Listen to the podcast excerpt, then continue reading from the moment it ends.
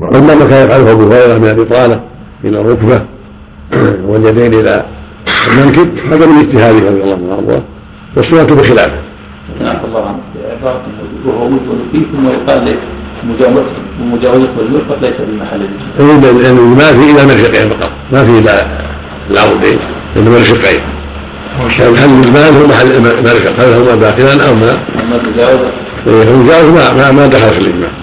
ما يشير حفظكم الله بهذا لأن حنبلي ما يشير إلى قول أحمد إن إن إلى حرف انتهاء وأيديكم إلى المواطن. المقصود من هذا بيان أن الآلة حرف يدخل ما قبلها لا يدخل ما بعدها. لكن جاءت السنة بدخوله في هذا المقام. هذا هو المقصود. المقصود المراحل. أما العظم ما دخل في هذا. نعم. أحسن الله إليك. بالنسبة لمسح الرأس إذا كان الشعر كثيف ربما إذا أدبر به انتثر شعره يكفي مرة واحدة. المرة كافية. لكن يكونها يكون العلم الأفضل من باب الأفضل. نعم. نعم. والله إذا زاد رابع. نعم. الثلاث إذا زاد عن ينهى عنها ينهى بعض الناس فقد عسى من زاد فقد عسى وتعدى. هل يملك شيء؟ وهذه لا بأس به. بعض الصحابة أحسن لك في عدم الموالاة كابن عمر وغيره. نعم.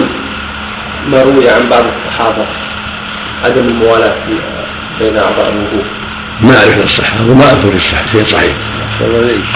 لو وجد فهو محدود بسنة النبي صلى الله عليه وسلم. أو لو وجد صحيح عن بعض السلف أو عن بعض السلف فهو محدود بفعل النبي صلى الله عليه وسلم. فإنه يفسر القرآن المبين من ملك عليه الصلاة والسلام. نعم. نعم. وصفة التخليل الأصابع لم يرد فيها صفة صحيحة بالأصبع في حديث حديث لقيط خلي بين الأصابع. خلي بين الثوب. نعم. وتخصيص الخنصر وتخصيص هذا يأتي مستورد كيف ما خلل حصل المقصود. كيف ما خلل المقصود دخول الماء بينها حتى لا ينبع عنها الماء. حرام ولا مكروه؟ ظاهر الحديث المنع التحريم ظاهر الاذنين والسنة الا يؤخذ السنة؟ أن يكون الاذنين تابعين للراس هذا هو الأفضل. لا يحتاج إلى ماء جديد. المحفوظ أنه أخذ لراسه ماء جديدا غير فضل اليدين وكان ابن عمر يأخذ للاذنين ماء جديدا ولكن الأفضل عدم ذلك إلا إذا يبست يبست يداه كالماء قليل يبست يداه يأخذ للاذنين ماء جديدا لا بأس. أما ما دام الماء في يديه والرطوبه موجوده يمسح ثم مع رأسه. هذا هو السنة. الله المراد بظاهر الأذنين الذي يمسح اللي فوق. فوق الوضوء هذا مما يلي السماخ. ما يلي الرأس. أو مما يلي الراس لا مما يلي الرأس نعم. والذي يلي السماخ. ما له تعلق.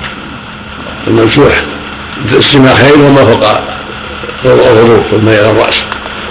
نعم. هذا هو الظاهر ظاهر الأذنين. مسح الصدغين الصدغين تبع الرأس. تقليله نفس التثبيت الأصابع. نعم. تقليل الاصابع ونفس التثبيت نعم. ومنهي عن التثبيت هو هذا مأمور هذا محل النهي هذا هو مأمور به. نعم. بسم الله الرحمن الرحيم الحمد لله رب العالمين وصلى الله وسلم على نبينا محمد. مكروه لقاصد الصلاة إذا يقصد الصلاة أو جالس ينتظرها أما هذا يستعد لطهارتها نعم. نعم. الحمد لله رب العالمين والصلاة والسلام على نبينا محمد وعلى آله وصحبه أجمعين. نعم. خلاصة البحث مثل ما سمعت البحث أن صالح البشر مقدم عند الله على الملائكة وأفضل فيهم الأنبياء والرسل وفيهم الأخيار. قد امتحنهم الله وابتلاهم بالشهوات والأعداء والشياطين والنفس الأمارة بالسوء والشهوة. فمن خلصه الله من هذا واستقام على أمر ربه فلا يعدله شيء. نعم. قال ابن تيمية رحمه الله تعالى باب بيان المسح على الإمام عن عبد الجميل الضري قال رأيت رسول الله صلى الله عليه وسلم يمسح على عمامته وكفيه رواه أحمد والبخاري وابن ماجه. وعن بلال رضي الله عنه قال مسح رسول الله صلى الله عليه وسلم على الكفين والكمار رواه جماعة الا البخاري وأبا داود. وفي رواية لأحمد أن النبي صلى الله عليه وسلم قال امسحوا على الكفين والكمار وعن المغيرة بن شعبة رضي الله عنه قال توضأ النبي صلى الله عليه وسلم ومسح على الكفين والعمامة. رواه الترمذي رواه الترمذي وصححه. وعن سلمان رضي الله عنه أنه رأى رجلا قد احدث وهو يريد أن يخدع كفيه فأمره سلمان أن يمسح على خفيه وعلى عمامته. وقال رأيت رسول الله صلى الله عليه وسلم يمسح على خفيه وعلى حماره عن ثوبان رضي الله عنه. قال رأيت رسول الله صلى الله عليه وسلم توضأ ومسح على خفيه والثمار رواه ما أحمد وعن ثوبان رضي الله عنه قال بعد رسول الله صلى الله عليه وسلم سرية فأصابهم البر فلما قدموا على النبي صلى الله عليه وسلم شكوا إليه ما أصابهم من البر فأمرهم أن يمسحوا على العصائب والتساخين رواه أحمد وأبو داود. العصائب والعمائم والتساخين والخفاف فهذا مسح ما يظهر من الرأس غالبا مع العمامة. عن المغيرة بن شعبة رضي الله عنه أن النبي صلى الله عليه وسلم توضأ فمسح بناصيته وعلى العمامة والخفين متفق عليه. باب أصل الرجلين وبيان أنه الفرق عن عبد الله بن عمر رضي الله عنهما قال تخلف عنا رسول الله صلى الله عليه وسلم في سفره فأدركنا وقد ارهقنا العصر فجعلنا نتوضأ ونمسح على أرجلنا. قال فنادى باعلى صوته ويل للاعقاب من النار مرتين أو ثلاثا متفق عليه ارهقنا العصر اخرناها ويرى ويرى ارهقتنا العصر بمعنى دنا واقتراح وعلى الأول أرهقنا العصر أرهقنا وأخرنا أرهقنا العصر أخرناها يعني أو أرهقت أرهقت العصر يعني نعم وعن أبي هريرة رضي الله عنه أن النبي صلى الله عليه وسلم رأى رجلا يغسل عقبه فقال ويل للاعقاب من النار رواه مسلم. وعن جابر بن عبد الله رضي الله عنهما قال رأى رسول الله صلى الله عليه وسلم قوما توضأوا ولم يمس أعقابهم الماء فقال ويل للاعقاب من النار رواه أحمد. وعن عبد الله بن الحارث رضي الله عنه قال سمعت رسول الله صلى الله عليه وسلم يقول ويل للاعقاب وبطون الاقدام من النار رواه أحمد والدار قطني. وعن وعن وعن عبد الله بن الحارث. نعم. قال سمعت رسول الله صلى الله عليه وسلم يقول ويل للاعقاب وبطون الاقدام من النار رواه أحمد والدار قطني.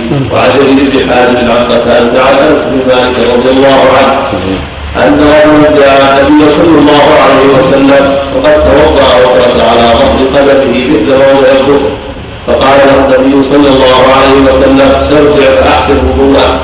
رواه أحمد وأبو داود والدار قطني. وقال تفرد به جرير بن حازم عن قتاده وهو ثقه باب التيمم في الوضوء. عن عائشة رضي الله عنها قالت كان رسول الله صلى الله عليه وسلم يحب التيامن في تنعله وترجله وظهوره. وفي شأنه كله متفق عليه. وعن أبي هريرة رضي الله عنه أن النبي صلى الله عليه وسلم قال إذا لبستم وإذا توضأتم فابدأوا بايامنكم رواه احمد وأبو داود.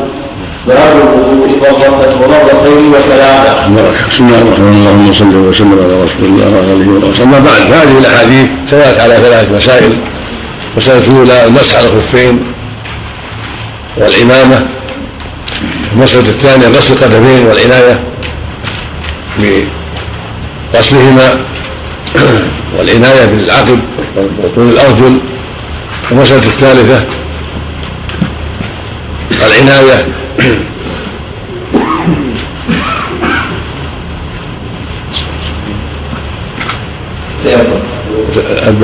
بالتيمم بالأعضاء.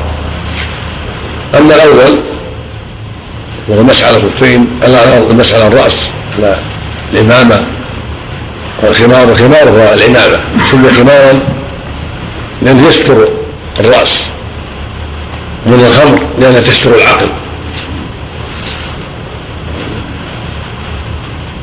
خمر الإناء ستره فدلت الأحاديث على أن لا لا بأس بمسح العمامه والخفين بل يشرع ذلك. يشرع المسح عليهما عند توافر الشروط في ذلك. فإذا لبسهما على طهاره مسح عليهما كما فعله النبي عليه الصلاة والسلام.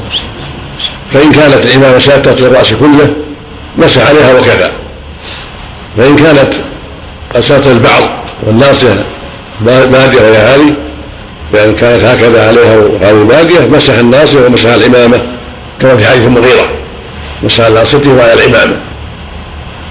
اختلف العلماء هل تجزئ الناصية فقط أو العمامة فقط؟ أو لا بد منهما جميعا؟ والصواب لا بد منهما لأن الرسول مسح عليهما جميعا الناصية والإمام فما بدأ من الرأس مسح وما خفي مسح على الإمامة وهكذا الخفان لا بد مسح عليهما. في المدة التي شرعها الله ويوم وليلة للمقيم وثلاث بلياليها في المسافر إذا لبس إذا لبسهما على طهارة كما تقدم. وفي وفي الأحاديث الدلالة على وجوب العناية بغسل القدمين وأن لا يتمسح عليهما المسح على الخفين فإذا كان القدمان مكشوفين وجب الغسل لهما ولهذا كان النبي يغسلهما عليه الصلاة والسلام.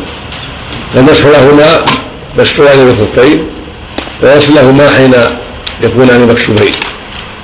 وهكذا العقب ينبغي تعاهده لأنه مغب قد ينبع عنه الماء.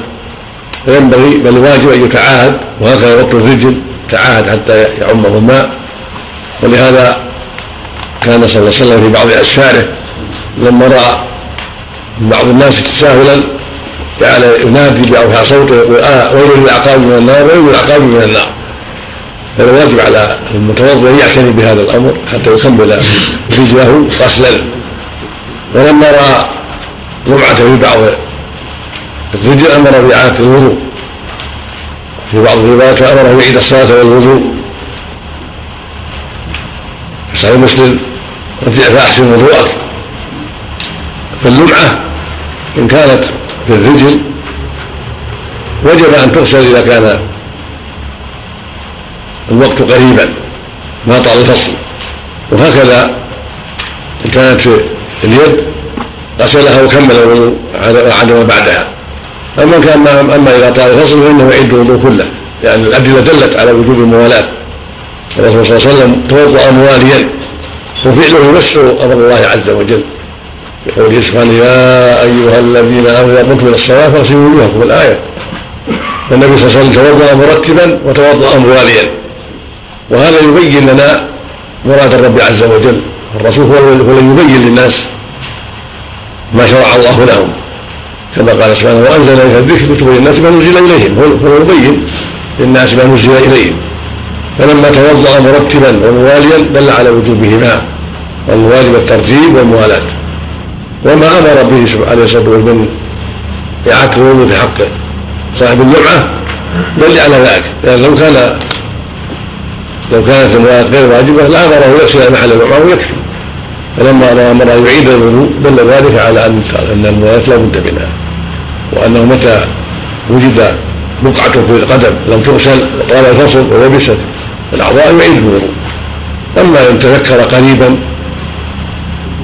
قبل طول الفصل قبل نشوف نشوف الأعضاء غسل بقعة برجله وكذا.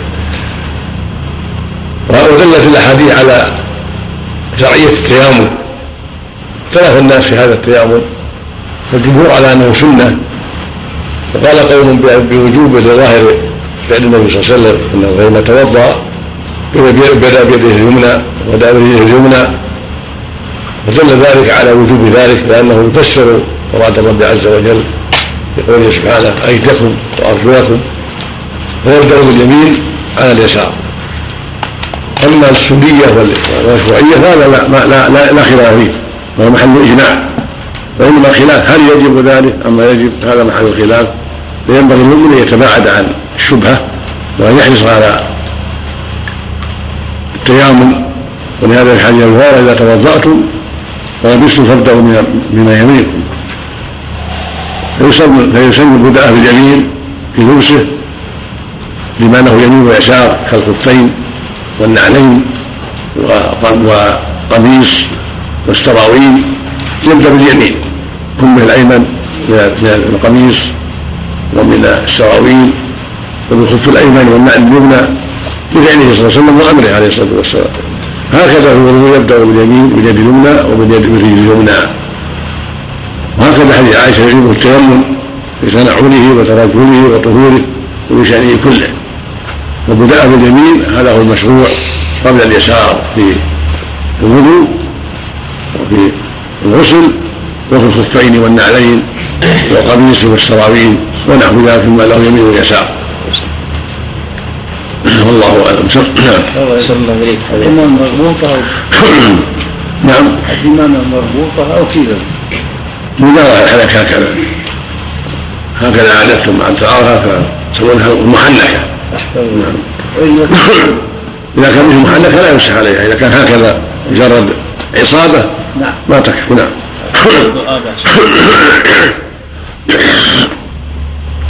الذؤاب افضل ولو شر يعني التحنيك لا بد منه. لا هذا هو الأرجح. لأنه اللي فيه الصعوبه والمشقه هل نعم. يشترط اللبس أما إذا كانت غير محنكه فلا في ليس في صعوبه في إزالتها و- ومس ما تحتها. نعم. يشترط لبسها على طهارة نعم. مثل مثل الخف سواء. توقيت كذلك. نعم. لأنها ساتر مثل الخف سواء. نعم. اللهم مسح العنق والصدرين بالراس المعروف ابي الله حيث ضعيفة هنا. الصوت من الرأس داخل في الرأس. أما العنق ليس من الرأس. نعم. يعني الصدر يمسح داخل في عمر الرأس نعم لكن اما أما الرغبه فليس من الرأس. لكن الحديث الوارد مسح الصدرين لا بس من باب الإيضاح يعني. من باب الإيضاح نعم. يعني الإمامة هل تعتبر سنة؟ نعم. تعتبر سنة. كانت في سنة العرب كان أهل العلم يقولون اللباس ما يكون, ما يكون في السنة وبدعة لأنه من العوائد نعم. فمن لبسها تحرر السنة. فلا بأس ومن ترك فلا بأس هي من من عمل العرب قبل قبل قبل الشرع هل يطلق عليها سنة الرسول؟ والله أعلم. نعم صلى الله. عليه وسلم بالنسبة للمسح على الرأس إذا كان الإنسان مثلا لبس العمامة ولم يبدي شيئا من ناصيته هل يكفي بس مجرد المسح أو يفضل؟ يكفي المسح؟ نعم. إذا ستر الرأس كله يكفي المسح نعم. شيخ الأمر في البداء باليمين ما ما ما ما, يدل على الوجوب الجمهور على أنه السنية فقط يقول بالوجود وهو قوي لأن النبي صلى الله عليه وسلم لم يخبر عن النبي صلى الله عليه وسلم أنه أنه عكس نعم. الله يا شيخ هو إن المأموم رأى الإمام في قدمه شيء من مائه الماء ينبه أم ماذا؟ الإمام ولا الإمام. لا وهو يصلي الإمام وهو يصلي. لا قد يكون مهم واضح يعني قد يكون واضح لا يتضح. كثيرا. قد لا يتضح كثيرا. وجد الماء على قدمه واضح جدا يسيل فيه بقع ما ما أتاه الماء هو تأكد أن هذا ما أتاه الماء محتمل أو محتمل. اذا كان يقين ينبه اذا كان تيقن بقعة. وغالب انه مفصل لا يخفى عليه. نبهه بعد الصلاة ولا نعم. بعد الصلاة حتى يتثبت في الأمر. نعم. اذا كان ما ما غسل قدم يعيد صلاته ولا يعيد المأموم نعم. نعم. هذا الشعر هذا اللي فوق العظم التابع للراس. نعم. الفاصل عن الراس والوجه هذا عظم هذا حاجة الاذن نعم.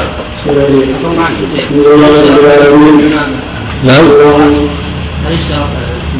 ارفع الصوت هل يشترط في المسح على الإمام أن تغطي الرأس كله؟ لا مو شرط. اذا ما غطت الرأس يمسح ما ظهر. نعم. نعم. يقال انه ما يصح المسح على الامام اليوم إلا المحلك نعم. نعم. بسم الله الرحمن الرحيم. الحمد لله رب العالمين وصلى الله وسلم على نبينا محمد وعلى آله وصحبه أجمعين. الحمد لله رب العالمين والصلاه والسلام على نبينا محمد وعلى اله وصحبه اجمعين قال ابن تيميه رحمه الله تعالى باب الوضوء مرة ومرتين وثلاثة. وقراءة ما جاء ونهى عن ابن عباس رضي الله عنهما قال توضأ النبي صلى الله عليه وسلم مره مره اللهم صل رواه الجماعة إلا مسلما. وعن عبد الله بن زيد رضي الله عنه أن النبي صلى الله عليه وسلم توضأ مرتين مرتين رواه أحمد والبخاري. وعنه كان رضي الله عنه أن النبي صلى الله عليه وسلم توضأ ثلاثا ثلاثا. رواه أحمد ومسلم. وعن أبي شعيب عن أبي معدته رضي الله عنه قال جاء أعرابي إلى رسول الله صلى الله عليه وسلم يسأله عن الوضوء. فأراه ثلاثا ثلاثا وقال هذا الوضوء فمن زاد على هذا فقد أساء وتعدى وظلم رواه أحمد والنسائي وابن ماجه.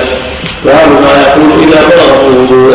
عن عمر بن الخطاب رضي الله عنه. قال قال رسول الله صلى الله عليه وسلم ما منكم من أحد يتوضأ ويسلم فيسلم الوضوء ثم يقول أشهد أن لا إله إلا الله وحده لا شريك له وأشهد أن محمدا عبده ورسوله. إلا فتحت له أبواب الجنة الثمانيه يدخل من ايها شاء. رواه أحمد ومسلم وأبو داود. ولأحمد وأبي داود.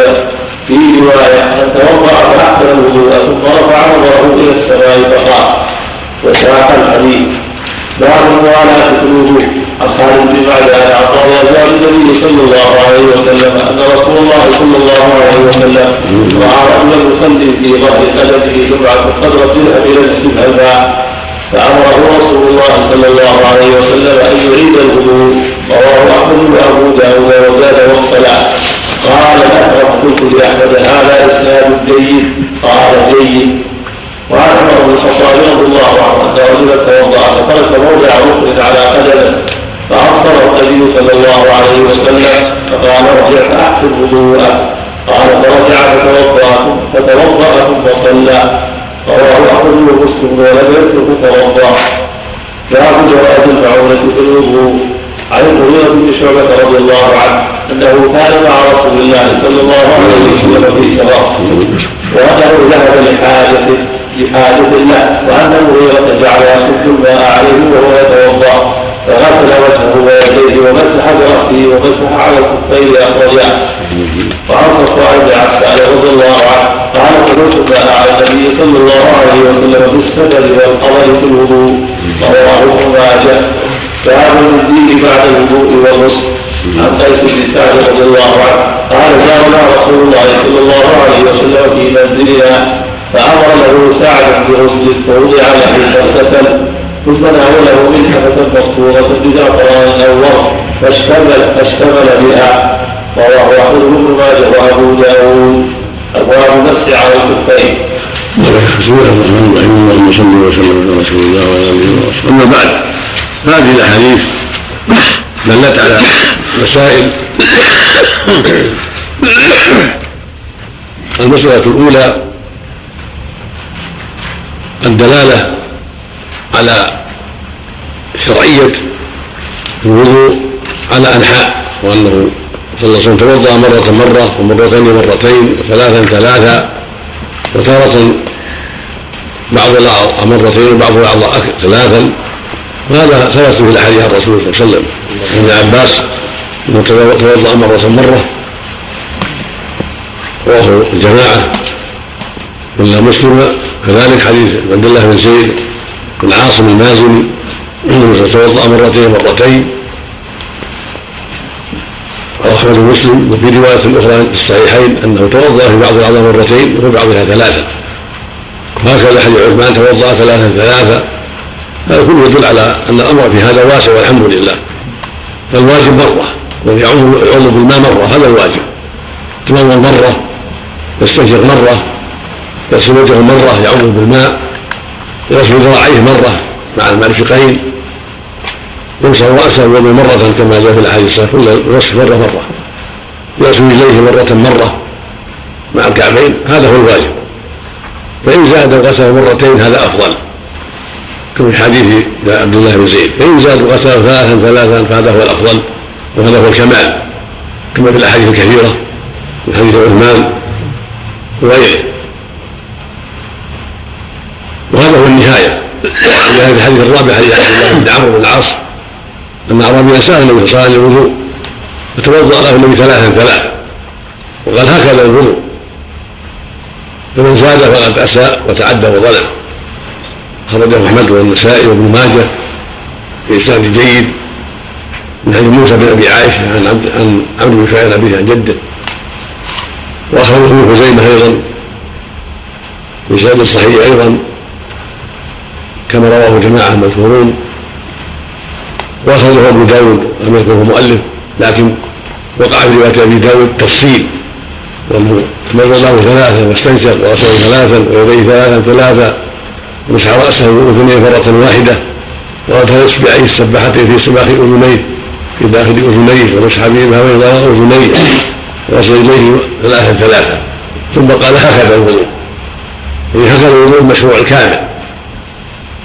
ثم قال فمن زاد أو نقص فقد أساء وتعدى أو ظلم.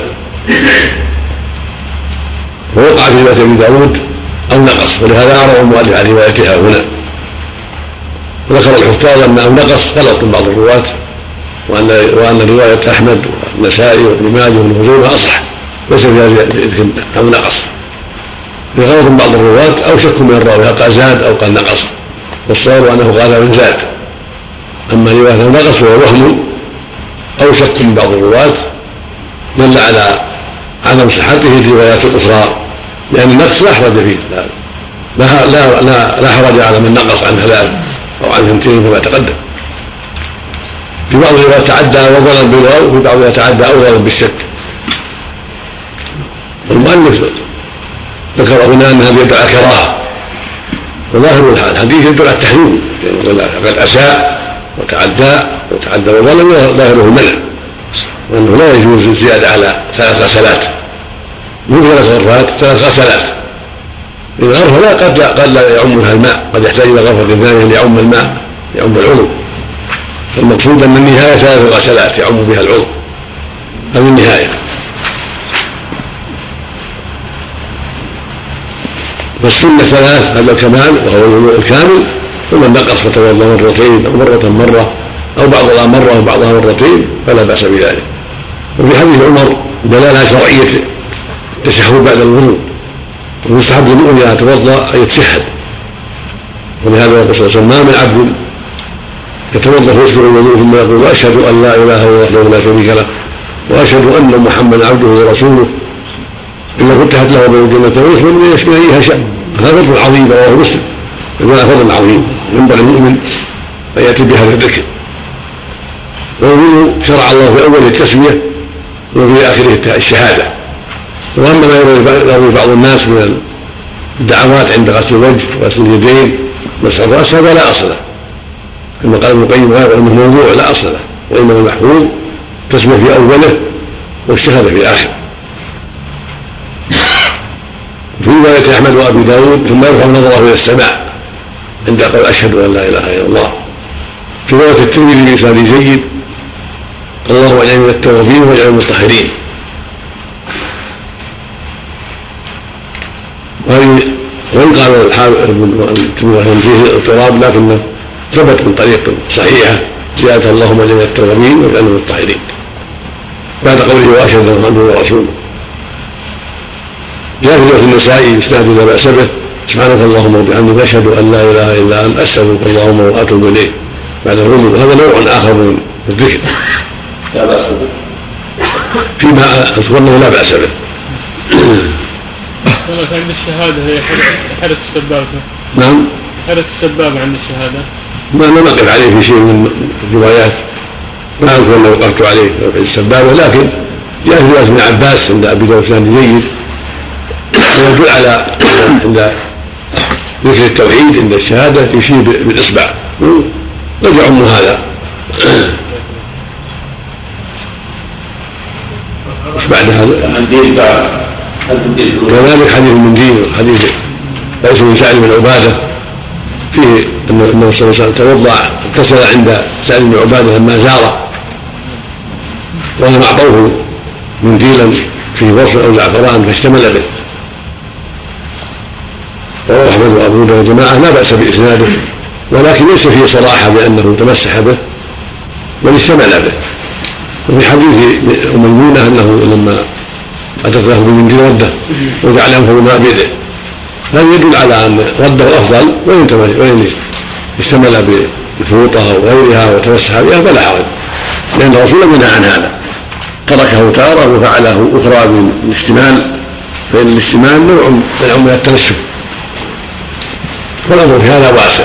وهكذا بدا الوضوء جاء في بعض روايات التنشف وفي احسن روايه التنشف مقال فالامر فيه واسع. من تنشف فلا بأس ومن ترك فلا بأس. وأما الموالاه فيتقدم أنا الموالاه لابد منها فرض من الوضوء وهذا جاء في عدة أحاديث الرسول صلى الله عليه وسلم رأى في بعض في قدم بعض الناس لمعه قد الظفر بعضها قد الدرهم.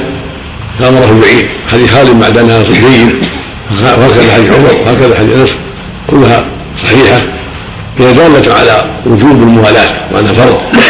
لأن الموالاة لأن لو كانت غير فرض لا أمر أن يصل اللمعة واكتفى فلما أراد أن يعيد الصلاة والوضوء دل على أنه لا بد من موالاة في الوضوء ولأنه صلى الله عليه وسلم توضأ مواليا وقال هكذا الوضوء. وجب علينا أن نتوضأ كما توضأ. ولأن فعله تفسير لكلام الله.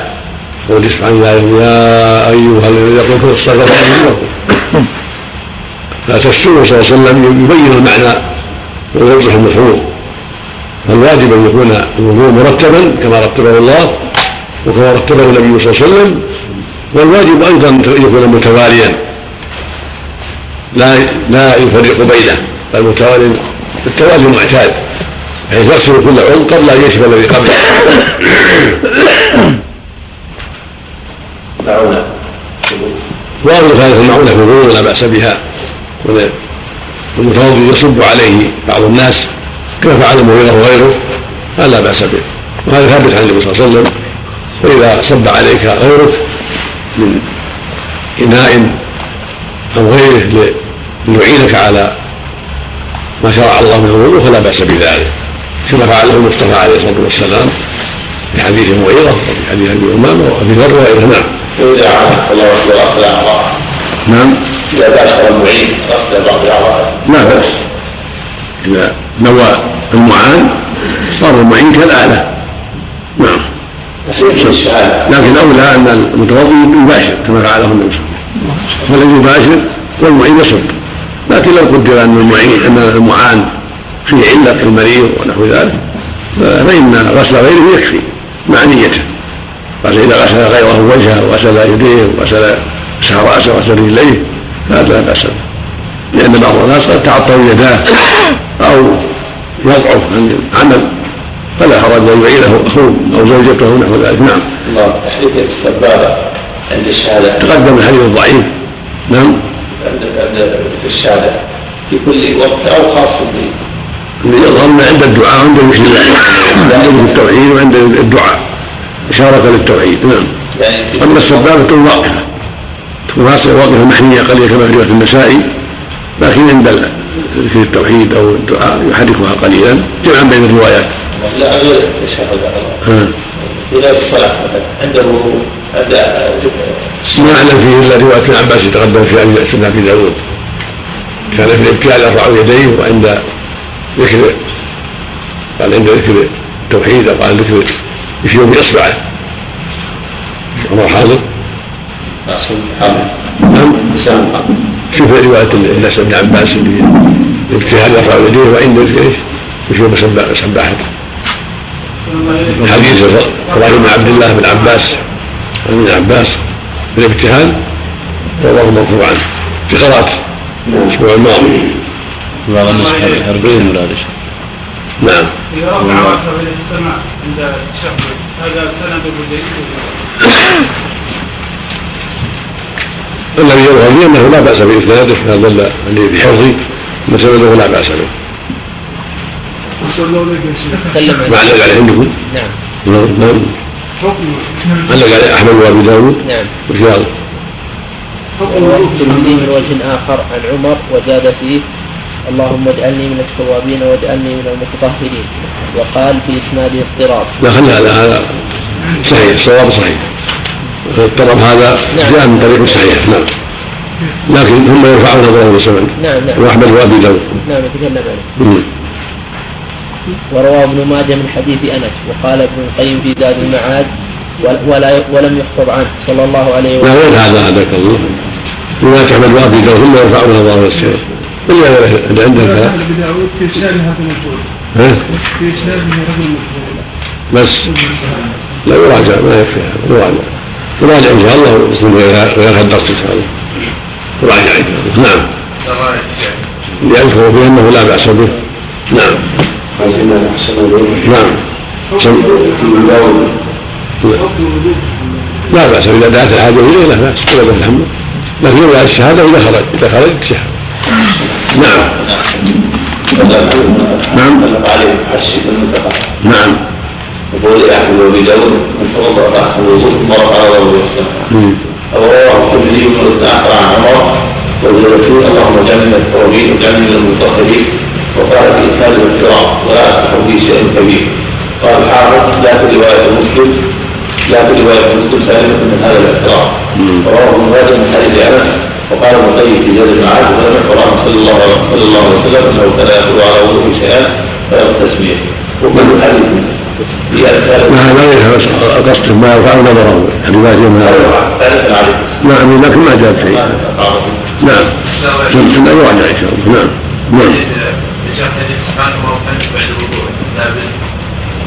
رواية النسائي فيما فيما أذكر أنه لا بأس بإسناده عند النسائي في عمل اليوم والليلة.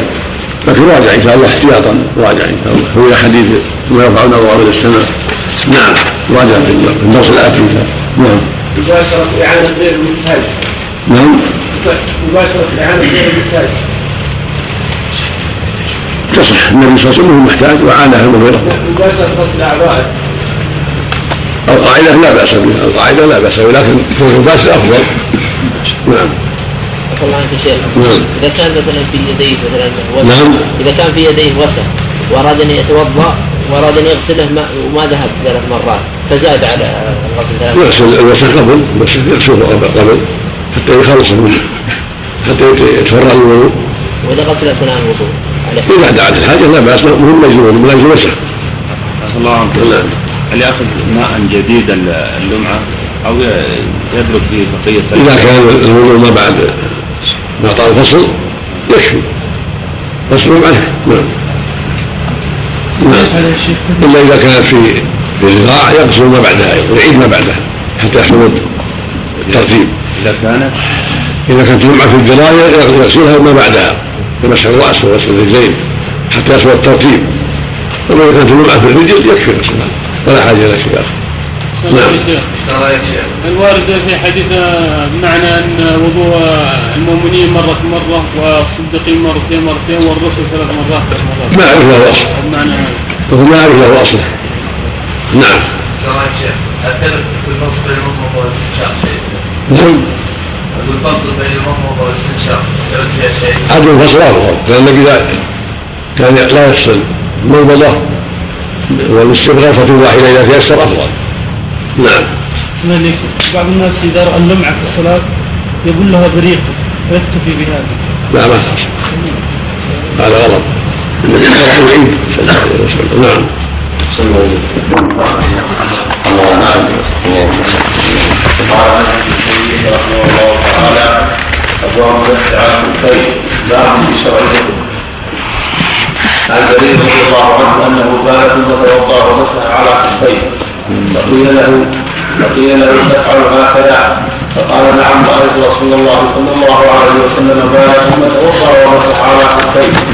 قال إبراهيم وكان يعيده هذا الحديث لأن لأن اسلام جرير كان كان بعد نزول المائده متفق عليه. وعن عبد الله بن عمر رضي الله عنهما أن سعد حدثه عن رسول الله صلى الله عليه وسلم أنه مسح أنه مسح على الكفين وأن ابن عمر رضي الله عنهما سأل عن ذلك عمر رضي الله عنه.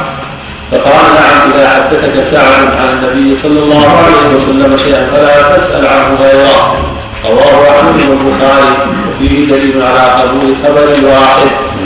وعن مغيرة بن شعبة رضي الله عنه قال كنت مع النبي صلى الله عليه وسلم في سفر فقضى حاجته ثم توضأ ومسح على خفيه. قلت يا رسول الله أنسيت قال بل أنت نسيت. لهذا أمر من ربي عز وجل. رواه أحمد وأبو داود. وقال الحسن البصري رحمه الله روى المسح سبعون نفسا فعلا منه وقولا. باب المسح على المقيم وعلى الجوابين والنعلين جميعا. عن بلال رضي الله عنه قال رايت رسول الله صلى الله عليه وسلم يمسح على المقيم والكبار رواه احمد ولابي داود وكان وكان ياخذ يقضي حاجته فاتيه بالماء فيتوضا ويمسح على عبادته وموقيه ولسعيد بن مسعود في سننه عن بلال رضي الله عنه قال سمعت رسول الله صلى الله عليه وسلم يقول امسحوا على النصيب الحمار والبوق وعن مغيرة بن شعبة رضي الله عنه أن رسول الله صلى الله عليه وسلم توضأ ومسح ومسح الجوابين والنعلين رواه الخمسة إلا النسائي وصححه الترمذي لا اشتراط الطهارة قبل اللبس عن المغيرة بن شعبة رضي الله عنه قال كنت مع النبي صلى الله عليه وسلم لا كاية في مسير فأفرغت عليه من الإداوة فغسل وجهه وغسل ذراعيه ومسح برأسه ثم أهويت لأنزع خفيه فقال دعهما فإني يسحبهما طاهرتين فمسح عليهما متفق عليه. ولأبي داود دع الخفين فإني أدخلت القدمين الخفين وهما طاهرتان فمسح عليهما. وعن المغيرة بن شعبة رضي الله عنه قال قلنا يا رسول الله أيمسح أحدنا على الخفين قال نعم إذا أدخلهما وهما طاهرتان رواه الحميدي في مسنده. وعن أبي هريرة رضي الله عنه أن رسول الله صلى الله عليه وسلم توضأ ومسح على خفيه. فقلت يا رسول الله صلى الله عليه رجليك لم تغسلهما قال إني ادخلتهما وهما طاهرتان رواه أحمد وعن صفوان بن عسان رضي الله عنه. قال أمرنا يعني رسول الله صلى الله عليه وسلم. يعني رسول الله صلى الله عليه وسلم أن نمسح على الكفين إذا نحن ادخلناهما على طهر ثلاثة ثلاثة إذا سافرنا ويوم وليلة إذا أخرنا ولا نتبع بما من غائط ولا نوم ولا نوم. ولا نتبع بما إلا بالجنابة. رواه أحمد بن خزيمة وقال الخطابي هو صحيح الإسلام وعن عبد الرحمن بن أبي بكرة عن أبيه رضي الله عنه عن النبي صلى الله عليه وسلم أنه اختصر المساجد ثلاثة أيام ولياليهن وللمقيم يوم وليلة إذا تطهر فلبس كفيه أن يمسح عليهما. رواه الأحمد في سننه وابن خزيمة والدار قطني وقال الخطابي هو صحيح الإسلام باب توقيت مدة المسح قد أسلفنا به عن صفوان وأبي بكر. وهو يقول عليه قال سألت عائشة رضي الله عنها عن المسح على الكفين. فقالت سل علي فإنه أعلم بهذا الدين؟ كان يسافر مع رسول الله صلى الله عليه وسلم. فسألته فقال قال رسول الله صلى الله عليه وسلم للمسافر ثلاثة أيام ولياليهن وللمقيم يوم وليلة. رواه أحمد ومسلم والنسائي وابن ماجه. وعن حذيفة بن ثابت رضي الله عنه عن النبي صلى الله عليه وسلم أنه سئل عن المسح أنه سئل عن عن المسح على الكفين فقال للمسافر ثلاثة أيام وليالي وللمقيم يوم وليلة. رواه أحمد وأبو داود والترمذي وصححه. باب اختصاص المسح بظهر الكف عن علي رضي الله عنه قال لو كان الدين من لكان أسفل الكف أولى المسح من أعلاه ولقد رأيت رسول الله صلى الله عليه وسلم يمسح على ظاهر الكفين رواه أبو داود والدار قطني. وعن المغيرة بن شعبة رضي الله عنه قال رأيت رسول الله صلى الله عليه وسلم يمسح على ظهور الكفين رواه أحمد وأبو داود والترمذي ونقله على الكفين على ظاهرهما. وقال حديث حسن وعن ثور بن يزيد عن رجاء بن حيوة عن وراء الكاتب المغيرة بن شعبة عن المغيرة بن شعبة رضي الله عنه أن النبي صلى الله عليه وسلم مسح أعلى الكف وأسفله. رواه خمسة إلا النسائي وقال الترمذي هذا حديث معلول لم يسند عن قول غير وليد بن مسلم. وسألت أبا زرعة أبا زرعة ومحمدا عن هذا الحديث فقال ليس بصحيح. أبواب نواقض. بسم الله الرحمن الرحيم اللهم صل وسلم على رسول الله عليه وسلم أما بعد هذه الأحاديث شأن مسح الخفين قد جاء في مسح الخفين أحاديث كثيرة. النبي عليه الصلاة والسلام من قوله وفعله. حتى قال الحسن البصري رحمه الله الإمام تابعي الجليل إنه ثبت عنه صلى الله عليه وسلم من فعله وقوله سبعون حديثا. كلها مسح الخفين والمقصود أنه جاء في ذلك احاديث كثيره مستفيضه متواتره عن رسول الله عليه الصلاة والسلام في شرعية مسح الخفين وهذا من تيسير الله وفضله وإحسانه جل وعلا. لما كان الإنسان قد يحتاج إليهما في الشتاء وفي أوقات أخرى لوقايه الرجلين شرع الله مسح عليهما رحمة وتخفيفا منه سبحانه وتعالى. وما ثبت عن صلى وسلم مسح الخفين وأذن في ذلك وأمر بذلك فاستقرت الشريعة بذلك. ولهذا أجمع على ذلك أهل السنة حتى صار بعض أهل السنة يدخلون في العقيدة خلافا للرافضة. فإنهم أبوا مسح الخفين ومسحوا القدمين. فعكسوا السنة. المشروع المؤمن إذا لبس الخفين أن يمسح عليهما وهكذا الخمار الامامه مساء عليه عليه الصلاة والسلام وثبت هذا من عدة أحاديث عنه عليه الصلاة والسلام. فإذا لبسهما على طهارة لبس عليهما وهكذا العمامة إذا لبس على طهارة مسح عليهما عليها بفعله عليه الصلاة والسلام. والوضوء نوع من الخفين وهو الخف القصير وقال بعضهم الخف الغليظ فيمسح عليه إذا كان يستر. قدمين ويستر كعبين ويجلس بقية الخفاف ويقال لهم. ومسح عليه النبي عليه الصلاة والسلام. وهكذا الجوارب من الصوف والقطن الذي عليه جمهور العلم لا يمسح عليها كما مسح عليها جماعة من أصحاب النبي عليه الصلاة والسلام. وثبت عن المغيرة انه مسح الجوربين والنعلين والنعلين عليه الصلاة والسلام. فدل ذلك على أن الجورب مثل الخف الخف يكون من الجلد والجورب يكون من الصوف أو القطن أو نحو ذلك. فإذا ستر محل الفرض وهو الكعبان وبقيه القدم جاز المسح عليهما يوم وليلة للمقيم وثلاث ليال للمسافر وقد ثبت هذا عنه صلى الله عليه وسلم أن المسح مؤقت لا مطلق. فيمسح المقيم يوم يوم وليلة 24 ساعة. ويمسح المسافر ثلاثة أيام يعني 72 ساعة. هكذا ثبت عنه عليه الصلاة والسلام من حديث المغيرة من حديث علي رضي الله عنه ومن حديث البكرة ومن حديث خزيمة بن ثابت ومن حديث صفوان بن عسال وأحاديث أخرى كلها دالة على التوقيت وأما حديث ابن بن عمارة في عدم التوقيت فهو حديث ضعيف عند أهل العلم لا يحتج به.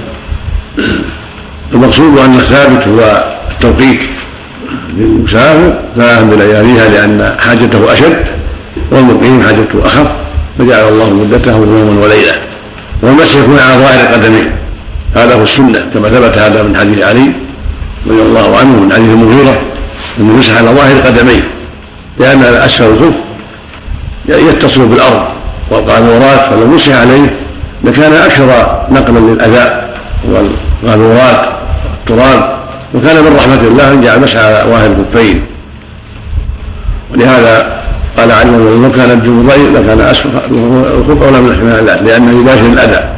لكن جاءت الشريعة بما هو الأصلح والأنفع للمؤمن وهو مسح ظاهر الخفين. وهذا عند التأمل وعند النظر يدل على محاسن الشريعة وكمالها. وان جعل في المسح في الظاهر لا يلي التراب ولا يلي الأذى. إذ لو كان في يلي الأذى لكان تكثيرا للأذى. لكان هذا إن كان المسح على الأسفل تكثيرا للأذى فإنه يلتصق بالخف من الأذى الشيء الكثير إذا كان رطبا من الاذى الشيء الكثير إذا كان رطبا فكان من رحمة الله أن جعل المسح على ظاهر الخفين. هذا هو السنة. والحمد لله. وصلى الله وسلم على رسول الله وعلى آله وأصحابه. نعم. هل تشترط النية يا شيخ؟ نعم. مو شرط. لم يشترط النية. لو لبسهما على طهارة ولم ينوي أنه يمسح بيخلع ثم وقع عليه يمسح. ولا بأس. نعم.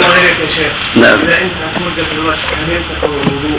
معروف عند أهل العلم انه ينتقل ما له حكم بعد ما تنتهي المدة يخلع ويتوضا انتهت الطهارة. التوقيت توقيت النبي صلى الله عليه وسلم وقت النبي صلى الله عليه وسلم. نعم. اذا كان في الجاربين فرق يعني في باطن القدم الصحيح يرفع عن الشيء اليسير وإذا احتاط وترك وخاطه أو رقعه يكون أحسن أو أبدله. لكن الصحيح أن الشيء اليسير عرفا يعفى عنه خط اليسير. نعم. والجوارب الرقيقة أحسن الله عليك لابد يكون ساتر خف والعمامة والجورب لابد يكون ساتر لمحل الفرض كان شفاف. لا يمسح عليه. نعم. الدليل على وجوب الصلاة؟ نعم. الدليل أحسن الله على- إلى وجوب أن يكون ساتر وهو الظاهر عموم الأدلة في في الخفين الجوربين لأنهما فعل وقاية للقدم ورفاق ورفاقا للعبد وتسهيل عليه في حاجاته فالرقي لا يحصل به المقصود من هذا. نعم. من بداية المسح أو من بداية. لا بعد الحدث. المسح بعد الحدث. يحسن مسحه بعد حدث إذا لبسها مثلا صلاة العصر ولم يحدث إلا بعد العشاء يكون مسحه بعد العشاء. العصر والمغرب وهي لا تحسب نعم. المدة المدة يوم وليلة بعد المسح. وثلاثة أيام بليلة بعد المسح بعد حدثه يعني. نعم. نعم. تصل البشرة ما ينبغي هذا اللي يصور ما يمسح عليها الرقيقة نعم. لو توضأ وغسل رجل اليمنى ثم غسل فيه خلاف فيه خلاف بين أهل العلم منهم من يجيد هذا لبس اليمنى ثم ثم غسل اليسرى ولبس خف عليها. جمع من أهل العلم يقولون إنه يمسح لأنه لبس هذه على طهارة وهذه على طهارة لكن الأولى لم تكن طهارة كاملة لكنها في معنى كاملة. ولكن أولاد المؤمن في مثل هذا يخرج من الخلاف فإذا غسل اليسرى وانتهى منها وقد لبس اليمنى قبل يخلعها ثم يعيد لبسها حتى لا يبقى خلاف ولا يبقى إشكال حتى يكون لبسهما على طهارة. حتى يسلم بلا خلاف. نعم. مسح النعلين إذا نعم. انعدم الماء مسح إذا كان على على جوربين مسح عليهما جميعا. مثل كندره على الجورب. كندره ما تستر.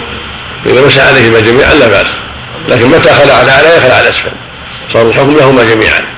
متى خلع الاعلى خلع الاسفل واما إذا مسح الجورب من تحت النعل يعني خلع النعل ومسح الجورب أو خلع الكندره ومسح الجورب صار الحكم للجورب والنعل يخلعها متى شاء والكندره يخلعها متى شاء لأن الحكم صار للمنسوح عليه والجورب أو نعم. إذا مسح وسافر الشيخ ألا تكون يعني كندرة منفصلة عن الجورب ولا منفصلة إذا مسح عليهما جميعا يبقى يبقيان جميعا. فإذا خلع الكندرة أو خلع النعل يخلع الجورب أما إذا خلع مسح الجورب دون الكندرة ودون النعل فالحكم يختص بالجورب كما فعله الصحابة. رضي الله عنهم وأرضاهم. إذا بدأ مسحه مقيم إذا في انعدم الماء إذا سافر قبل أن يمسح يمسح ثلاثة أيام أما إذا كان بعد أن شرع المسح بعد أن مسح المعروف عند أهل العلم يكون مسحا قيم تقريبا لجانب طبعا إذا انعدم الماء ثم لبس تيمم ولبس الجوربين ثم وجد الماء هل يمسح؟ يخلعه لا يخلعهما لأنه ما ما مسح عليهما على يمسح على غير طهارة الماء. طهارة التراب وطهارة الناقصة بالنسبة إلى الماء. فلا يمسح عليهما إلا بعد طهارة كاملة التي فعلها النبي صلى الله عليه وسلم. نعم. إذا مسح على كندرته سمعوا. نعم. الحمد لله رب العالمين وصلى الله وسلم على نبينا محمد اللهم صل وعلى آله وصحبه أجمعين. نعم. بسم الله رب العالمين والصلاة والسلام على نبينا محمد وعلى آله وصحبه أجمعين. قال ابن تيمية رحمه الله تعالى أبواب نوافل الوضوء باب الوضوء من الخارج من السبيل. والخلاصة من هذا أن صالح البشر والملائكة على خير عظيم وفضل كبير من ربهم عز وجل لأنهم بطاعته وخدمته سبحانه وتعالى وتنفيذ أوامره. وإنما الخلاف بين أهل السنة ومن خالفهم في الفضل في الفضل أيهما أفضل فقط. فقال أهل السنة إن صالح البشر من الأنبياء وأتباعهم أفضل. في الدنيا والآخرة. وقال تيمية وجماعة وبعض أهل السنة إن الملائكة أفضل لما لما ذكره المؤلف من الأدلة. والمؤلف رحمه الله أراد أن يتوسط في الموضوع فيقول إن الأدلة محتملة في الدنيا ولكن في الآخرة بلا شك الرسل وأتباعهم أفضل لأنهم يصلون إلى الجنة والكرامة والملائكة يكونون في خدمتهم وأعمالهم وقضاء حاجاتهم والمجيء إليهم بما يريدون من النعيم. فباستقرارهم في الجنة واستيفائهم هذا الجزاء العظيم بسبب أعمالهم العظيمة ظهر فضلهم على الملائكة وتقدمهم على الملائكة في دار دار الكرامة. والصواب أنهم أفضل في الدنيا والآخرة أن الرسل وأتباعهم من أهل الصلاح والاستقامة والهدى أفضل من الملائكة في الدنيا والآخرة. اللهم المستعان كما قال أهل السنة والجماعة اللهم المستعان نعم. باب الوضوء من الخارج من السبيل. عن أبي هريرة رضي الله عنه قال قال رسول الله صلى الله عليه وسلم لا يقبل الله صلاة أحدكم اذا احدث حتى يتوضأ. فقال رجل من أهل حضرموت ما الحدث يا أبا هريرة؟ قال فساع أو ضراب. متفق عليه. وفي حديث صفوان في المسجد لكن من غائب وبول ونوم وسنذكره باب من الخارج النجس من غير السبيلين.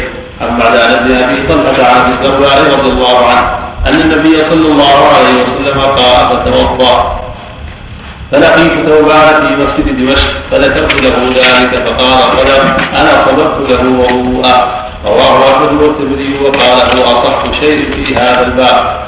وعن وعن إسماعيل بن عياش عن ابن جريج عن ابن أبي مليكه عن عائشة رضي الله عنها قالت قال رسول الله صلى الله عليه وسلم من أصابه خير أو رعاة أو قلس أو مد فلينصرف فليتوضأ ثم ليبني على صلاته وهو في ذلك لا يتكلم.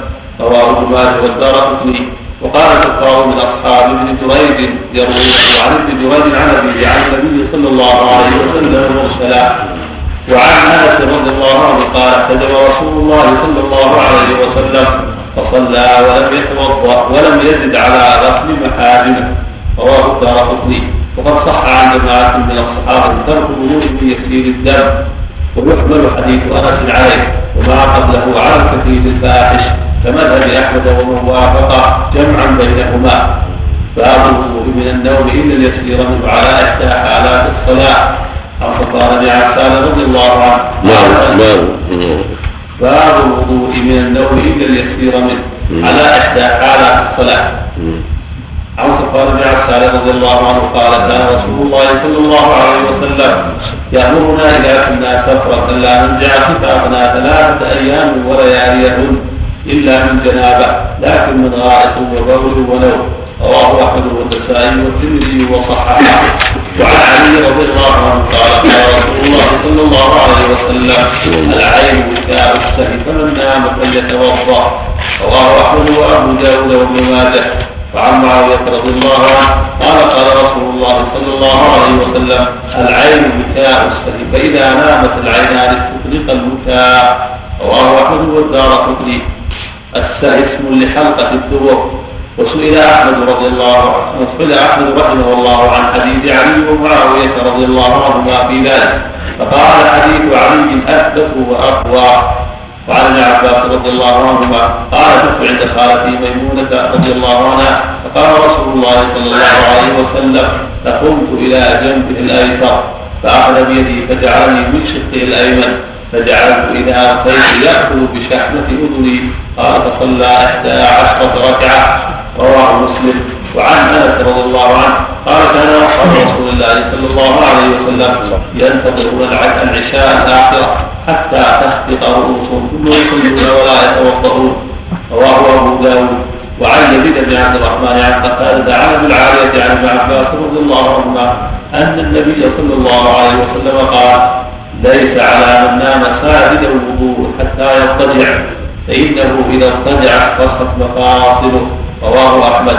ويزيد هو الدالاني. قال أحمد لا بأس به. قلت وقد ضعف بعض حديث الدالاني حديث الدالاني هذا لإرساله قال شعبة إن إنما سمع قتادة من أبي العالية أربعة أحاديث فذكرها وليس هذا منها باب من مس المرأة. قال الله تعالى أو لامستم النساء فلم تجدوا ماء فتيمموا.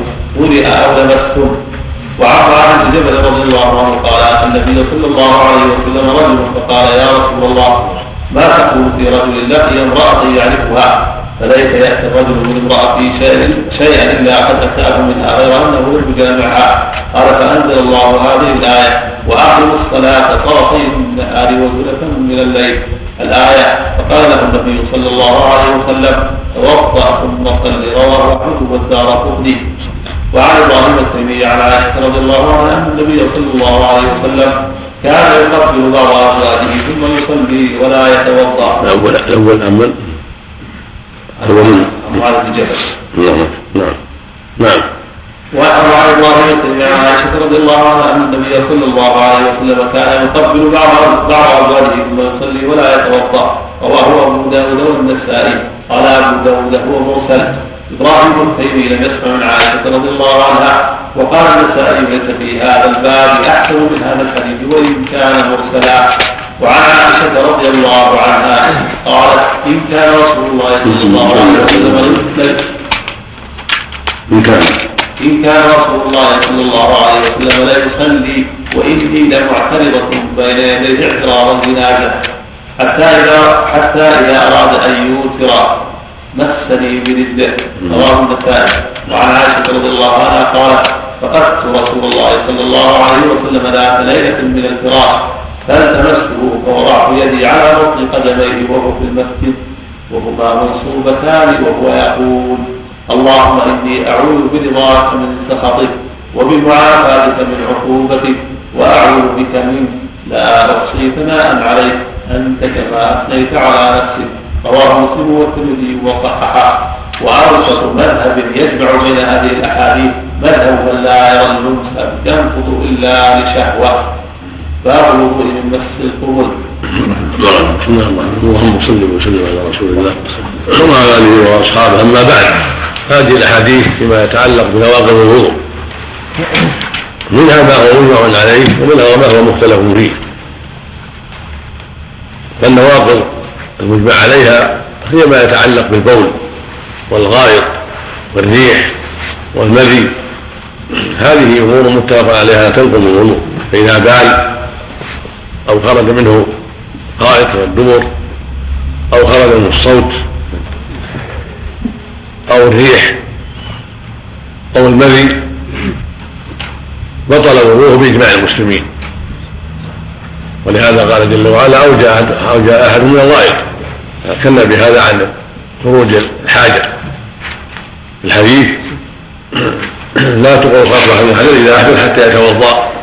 إذا ابا هريره ما الحدث قال فساء أو مرار الفساء الرائحة بلا صوت والفراد ما له صوت. والمذي ثبت في حديث الصحيح حديث علي النبي أمر بالوضوء إذا خرج منه المذي والريح مثل ما جاء في الحديث هذا والبول جاء في عدة أحاديث وكان أنه كان إذا بال توضأ عليه الصلاة والسلام. الحاصل أن هذا أمر مجمع عليه. البول والغائط والريح والصوت والمذي كل هذا أمر مجمع عليه. ودل عليه أحاديث كثيرة. أما المختلف فيه فأنواع منها مس الفرد باليد كما يأتي ومنها مس المرأة بشهوة ومنها النوم ومنها ما يخرج من غير السبيلين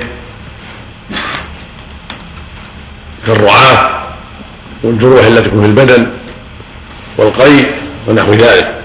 هذه اختلف فيها العلماء منهم من رأى أنها ناقضة ومنهم من راى غير ناقضه والأصل هو سلامة الوضوء. الأصل في هذه المسائل سلامة الوضوء سلامة الطهارة. فلا يجوز أن يقال إن هذا ناقض إلا بدليل سالم من الاعتراض والضعف. بل طالب العلم يتمسك بالأصل وهو سلامة الوضوء وسلامة الطهارة حتى يوجد دليل واضح على انتقاضها بشيء.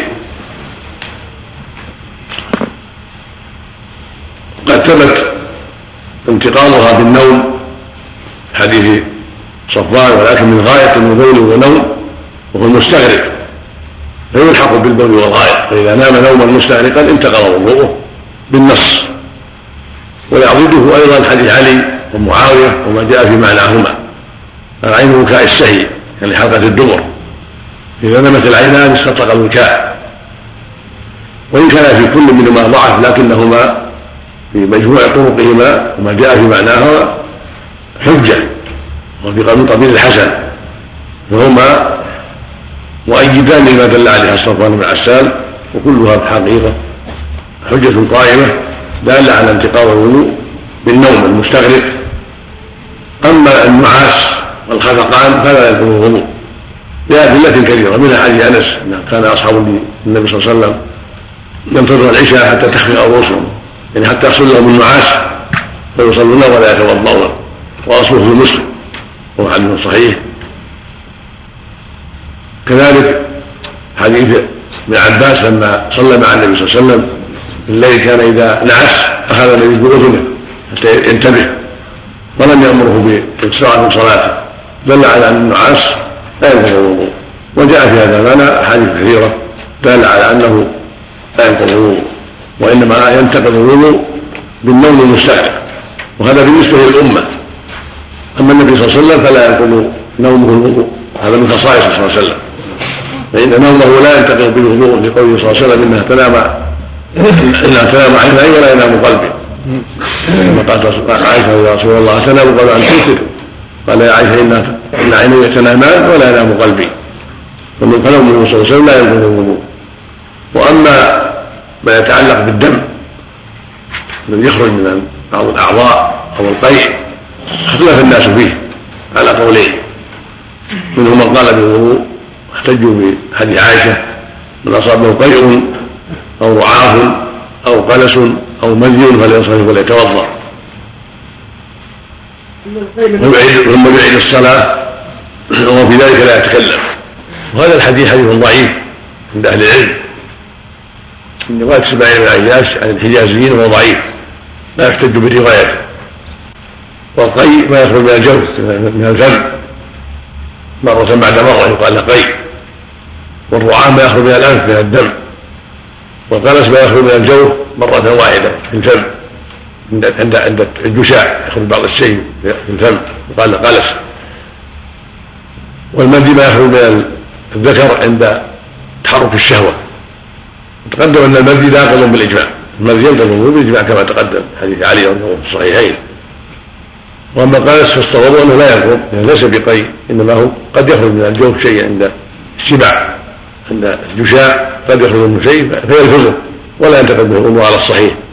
وحديث عائشة ضعيف لا يحتج به في هذا. والرعاة دم فإن كان يسيرا وقد ثبت عن الصحابة عن ابن أبي أوفى وابن عمر وجماعة أن الدم اليسير لا ينتقد بالوضوء ويوفى عنه. هذا من فضل الله سبحانه وتعالى. وحديث ابن عبد عائشة هذا مثل ما تقدم ضعيف لا يحتج به فإن كان الرعاة كثيرا فإنه ينبغي له الوضوء خروجا من خلاف العلماء. وليس لأنه نص في النقض لكن من باب الاحتياط. من باب دع ما يليق كذا ما لا يليق إذا كثر أما إذا كان يسيرا فإنه يعفى عنه كما يعفى عن البثره تعصر وما يكون في الجراحات الخفيفة والبثور الخفيفة والدمامل واشباهها كل هذا يعفى عنها لأنها تعرف للانسان أما إن كثر الرعاة أو الحجامة خرج دم كثير فإنه ينبغي له الوضوء احتياطا وخروجا من خلاف العلماء. وليس هناك دليل قاطع على انتقال الوضوء بذلك لكن من باب الحيطة. وحديث أنس في هذا اختلفوا في صحته احتجم ولم يتوضأ اختلف في رفعه وعدم رفعه وليس صالحا للحجة ولكنه يفيد أن أن الأصل عدم النقل. حديث أنس موقوفا عليه أو مرفوعا يقوي الأصل وهو عدم النقد بخروج الدم من غير السبيلين. لكن إذا خرج دم كثير فالأفضل والاحوط الوضوء خروج من خلاف العلماء رحمه الله عليهم وأما مس المراه بشهوه فاختلف العلماء فيه. قال بعضهم ينقض واحتجوا ما ذكره المؤلف برواية معاذ أن رجل أصاب من امرأة كل شيء ما عدا الجماع. فأمره النبي صلى الله عليه وسلم يتوضا ويصلي ركعتين صلاة التوبة. وحديث معلوم. واذا توضا إلا معلوم والمعروف في الحديث أنه صلى الله عليه وسلم امره أخبره أن الله قد تاب عليه. لما قال تاب قال إن الله انها نزلت فيك وفي امثالك اقم الصلاة. قال إنه زهر من الليل. إن الحسنات من السيئات. فمن تاب مما قد أصاب تاب الله عليه وعلى سبحانه وتعالى.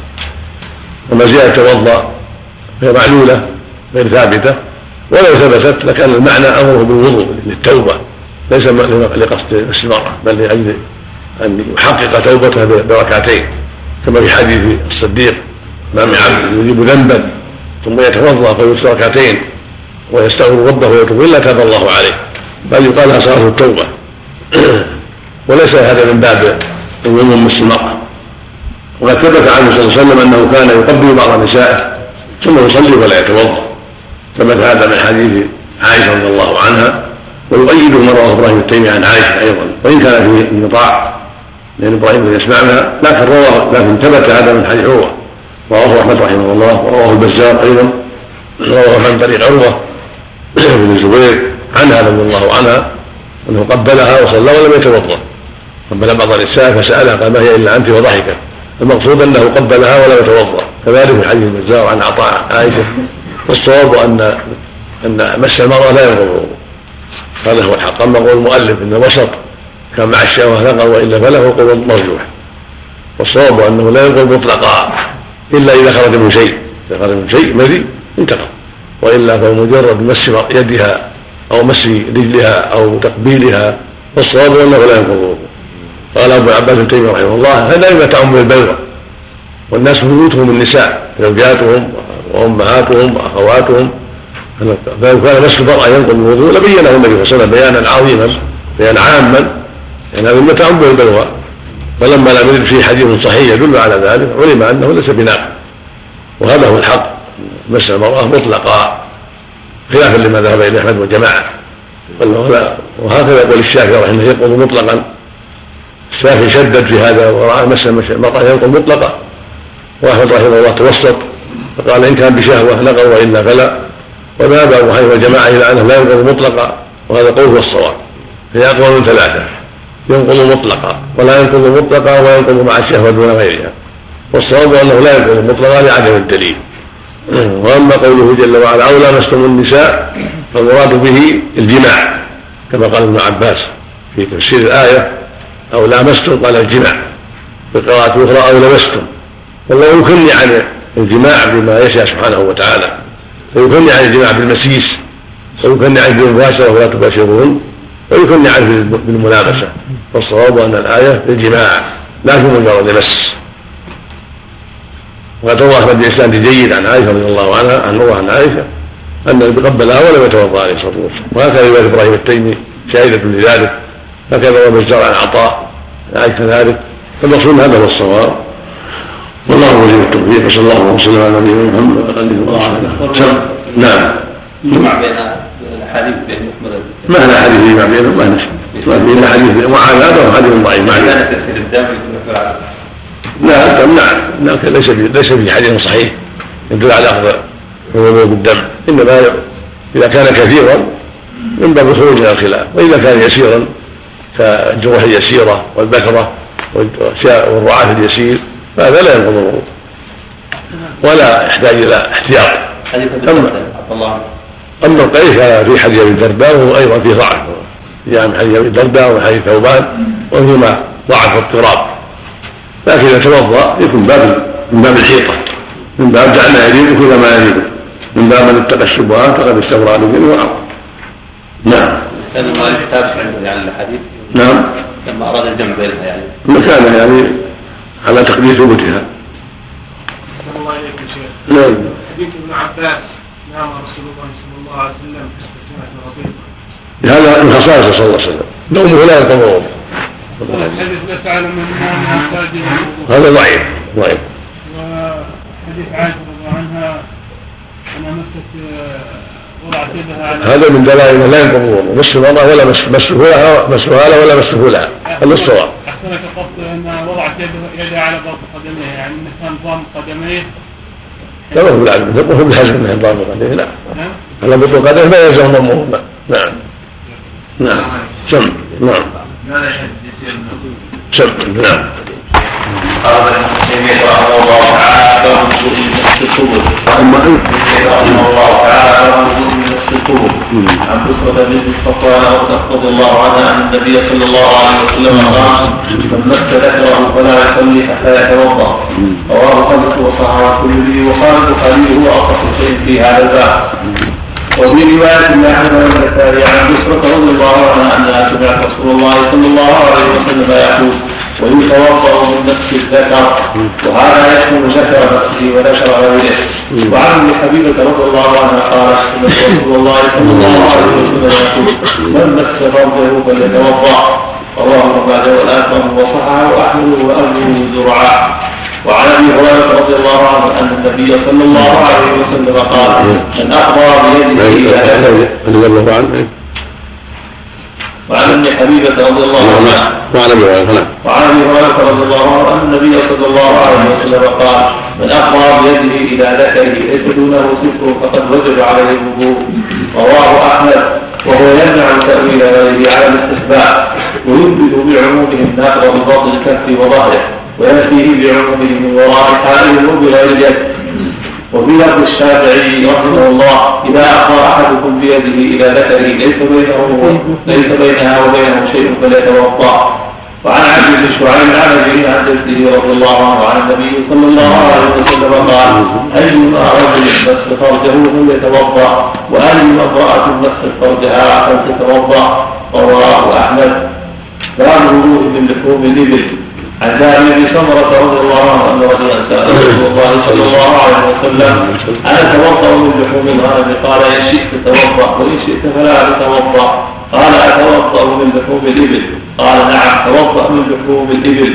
قال أصلي في مرابط الغنم قال نعم. قال أصلي في مبارك الإبل؟ قال لا رواه أحمد ومسلم.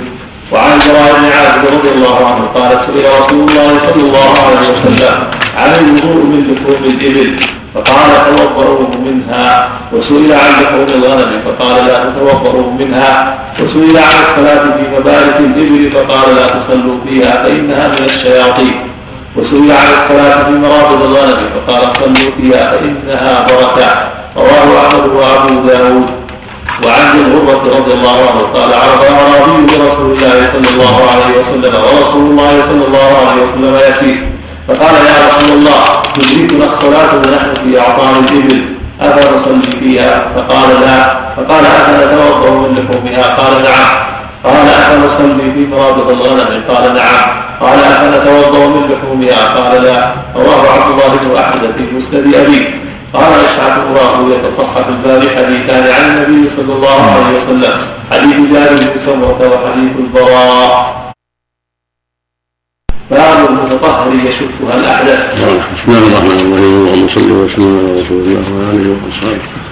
أما بعد هذه الأحاديث السبعة اربعه منها الأولى تتعلق الفرد وهي دليل دليل على أنه مس الفرد ينتقل به الوضوء سواء كان فرد الرجل أو فرد المرأة. والاحاديث الصحيحه داله على ذلك. حديث بشرى وحديث أم حبيبة حديث أبي هريرة وحديث عبد الله بن عمرو بن العاص رضي الله كلها احاديث جيدة صحيحة تدل على أن من افضى بيده إلى فرده ليس دونهما ستر وجب عليه وهذا هو الحق الذي لا ريب فيه. وان الواجب على من مس فرجه هو الوضوء. لأن الاحاديث صحيحة واضحة. وفي حديث أبي هريرة من افضى بيده إلى فرجه فيه ايضاح أن المس من وراء الثياب لا يكون وضوء. وهذا أمر معلوم لأن ما يسمى ماس إلا إذا مسه مباشرة. لكن حديث أبي هريرة يوضح ذلك ويبين ذلك. وهذا حكم معلق باليد. فلو مسه برجله أو بذراعه لم ينتقل الوضوء إنما يكون باليد واليد عند الإطلاق من مص الكف إلى أطراف الأصابع. فإذا كان من وراء السراويل ومن وراء الإزار أو من وراء الملابس الأخرى فإنه لا ينتقل الوضوء في ذلك. وفي رواية مسره أخرى عند أحمد وابي داود من مس الذكر يتوضأ من مس الذكر يدل على أنه يتوضأ من مس ذكره وفرجه ومس فرج غيره فلو مس فرج امرأته أو مست المرأة فرج أولادها وأطفالها انتقض الوضوء بذلك. أما حديث طلق بن علي ولم يذكره المؤلف بل احتج به مرة عدم النقل حيث قال صلى الله عليه وسلم لمن سأل عن ذلك قال فإلا بضعة منك أو قال بضعة منك. وأجاب عن العلماء بأجوبة منها أنه كان قديما وأنه منسوخ لأن الأحاديث الصحيحة دالة على أن هذه البضعة تنقض الوضوء. وقال آخرون ليس هناك تعريف واضح ثابت حتى يكون النسخ وإنما الجواب عن ذلك هو الترجيح لعدم إمكان الجمع. فيكون حديث ضبط حديثا ضعيفا شاذا مخالفا للأحاديث الصحيحة. والقاعدة أن ما رواه الثقات يقدم على ما رواه الفرد ولهذا قال الشافعي رحمه الله في الشاذ إنه ما خالف فيه الثقة. ما هو من هو أولى منه. قال الحافظ نخبه فإن خلف بارجح فالراجح المحفوظ ومقابله الشاذ. وذكر في مختلف الحديث أنه إذا تعارض حديثان فأكثر فإن أمكن الجمع وجد فإذا يمكن الجمع. وأمكن النسخ أخذ بالنسخ. فإن لم يمكن فالترجيح. وهنا في هذه الأحاديث هو مقام الترجيح. لأن شرط النسخ أن يعلم المتأخر من المتقدم. وجاء لا يمكن أن قول صلى الله عليه وسلم من أفضى بيده فرجه فليتوضأ والمسلم فليتوضأ ولا يلح في مخالفته. إنه براءة منك ولا براءة منك فإن ظاهره لا وضوء ولا يشرع الوضوء. ثم قول فقد وجب. فدل ذلك على أن الواجب على من أفضى بيده إلى فرجه من رجل أو امرأة فإنه ينتقض وضوءه. والفرج يشمل الذكر ويشمل فرج المرأة ويشمل, حلقة الدبر لأنه فرج وذهب بعض أهل العلم إلى الجمع بحمل أحاديث النقع على إذا مسه بشهوة وحديث وحديث الطلق على غير الشهوة ومال إلى هذا ابو العباس بن تيمية رحمه الله ولكنه ليس بجيد وليس بواضح وليس وليس عليه دليل. فلا قول فقول من قال النقد مطلقا هو الصواب والحق الذي لا غبار عليه. وهو ظاهر من هذه الأحاديث الأربعة وما جاء في معناها وأنه مس فرجه انتقض وضوءه مطلقا.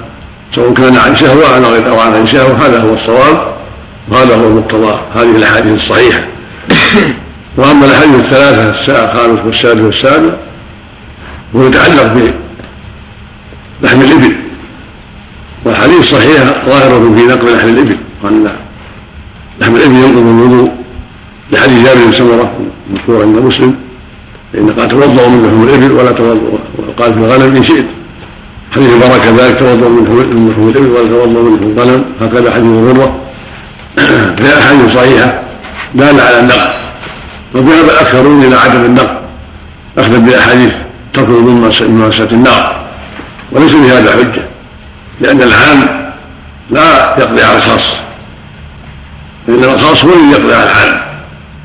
حديث لحوم الإبل بعد نسخ الوضوء من مسة النار هذا قول بالنسخ وقول الآخر أنه ليس بنسخ ولكنه ولكن ترك الوضوء يدل على عدم الوجوب وأنه لو توضأ من مسة النار كان أفضل ولكن ترك النبي الوضوء من مسة النار يدل على عدم الوجوب أما حديث لحم الإبل هو صريح في أنه كان بعد النسخ لأنه قال توضأوا منه ولا توضأوا منه. فدل ذلك على أن هذا كان بعد النسخ بعد ما ترك النبي الوضوء من مسة النار.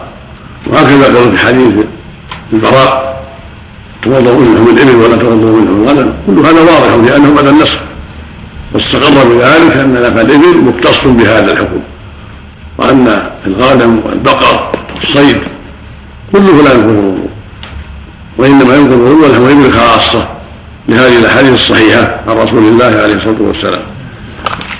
اختلف العلماء هل يلحق باللحم بقية أجزاء الإبل مثل الكرش والأمعاء والكبد الحال وأشباه ذلك على قول منهم من لحق باللحم ومنهم من قال لا تلحق باللحم لأن اللحم عند الإطلاق هو الحبر معروف هذه لها اسباب خاصة كبد كرش أمعاء لها اسباب خاصة. فلا تلحق باللحم. قال آخرون بل هي ملحقة باللحم كما أن لحم الخنزير محرم عبر الرب بلحم الخنزير وهو محرم. لحمه وشحمه وأمعاؤه وكرشه كل شيء محرم بإجماع المسلمين. فيكون هذا ملحقا باللحم أيضا في نقل الوضوء كما ألحق باللحم في لحم الخنزير. وقول له قوته وله حظه من النظر فالأولى بالمؤمن أن يتوضأ من ذلك إذا أكل الكرش من الإبل أو من الامعاء أو من الكبد فالأولى والأحوط أن يتوضأ من ذلك لأنه من حيوان وجب الوضوء من لحمه.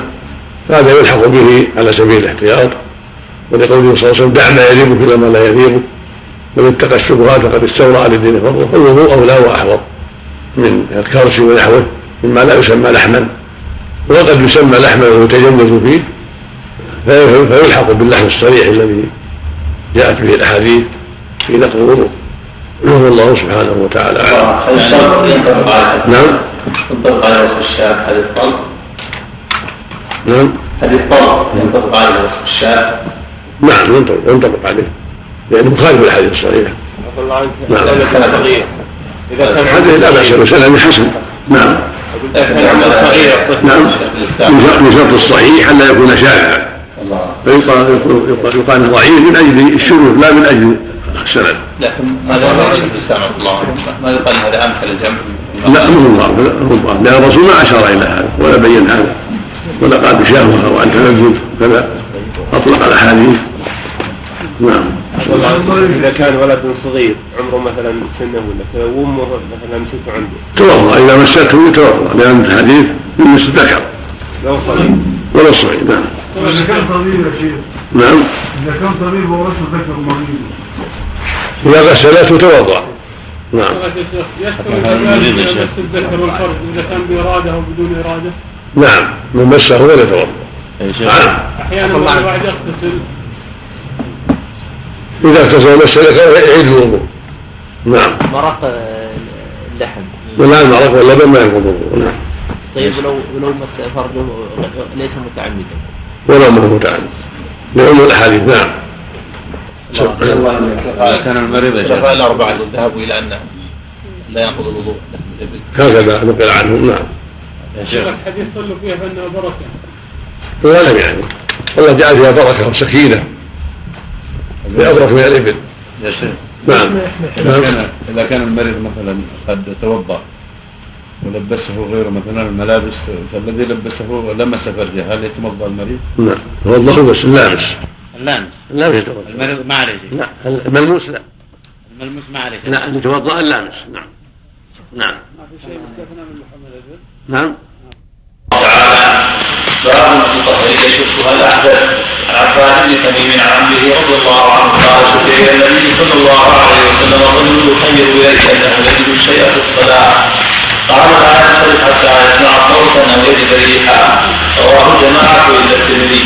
وعن أبي هريرة رضي الله عنه عن النبي صلى الله عليه وسلم اذا وجد احدكم في بطنه شيئا فاشكل عليه اخرج منه شيء ام لا فلا يخرج من المسجد حتى يسمع صوتا أو يجد ريحا رواه مسلم والترمذي وهذا اللفظ عام في حال الصلاة وغيرها باب ايجاد الوضوء إلى الصلاة والطواف ومس المصحف عن ابن عمر رضي الله عنه وهذا يدل على أن الله جل وعلا لطف بعباده. فالإنسان عرضة لأن يجد أشياء من وسوسة وأن خرج منه شيء أو قرقرة أو شيء في المقعدة فأرشده النبي صلى الله عليه وسلم إلى أن يلغي هذا كله ويعتبر نفسه على وضوئه وعلى طهارته حتى يعلم يقينا أنه خرج من شيء.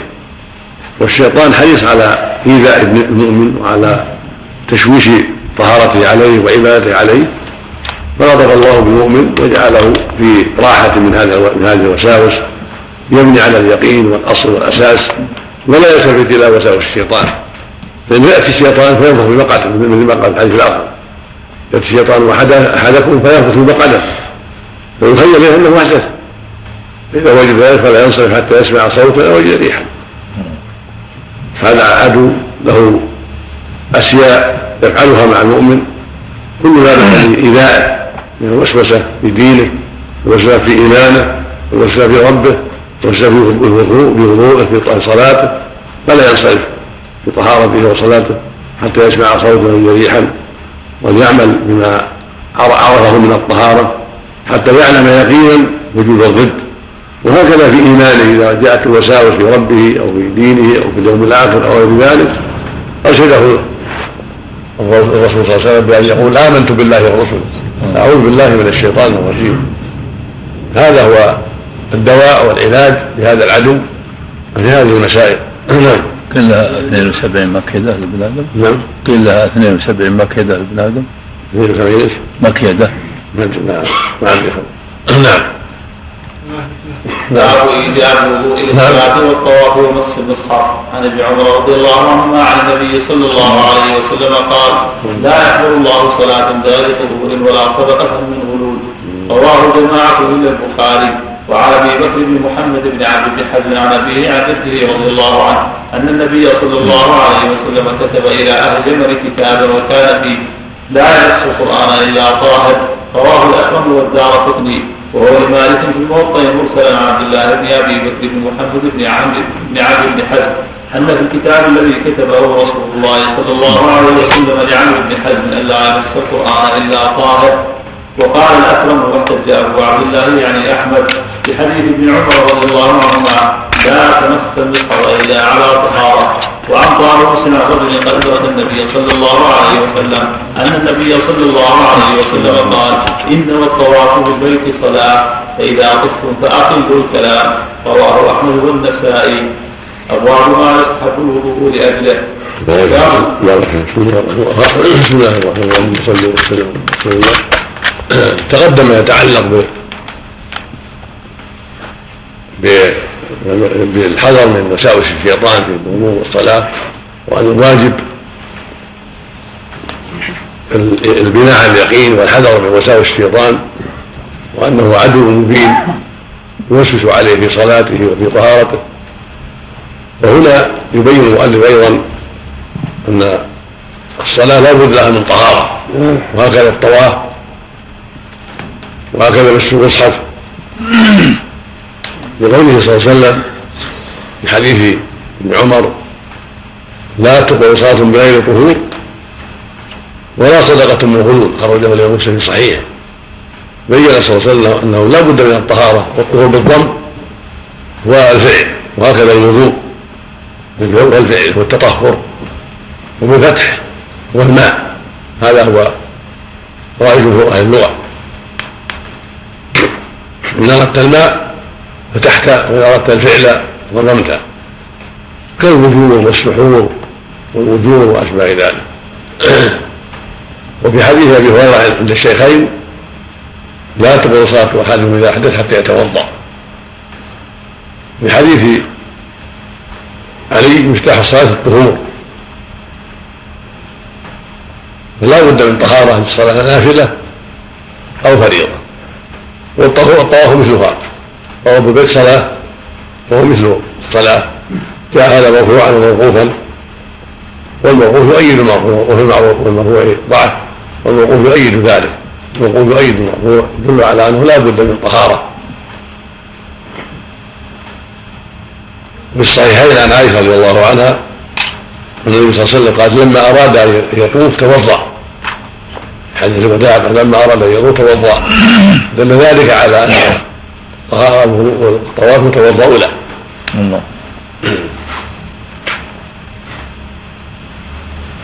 وهكذا.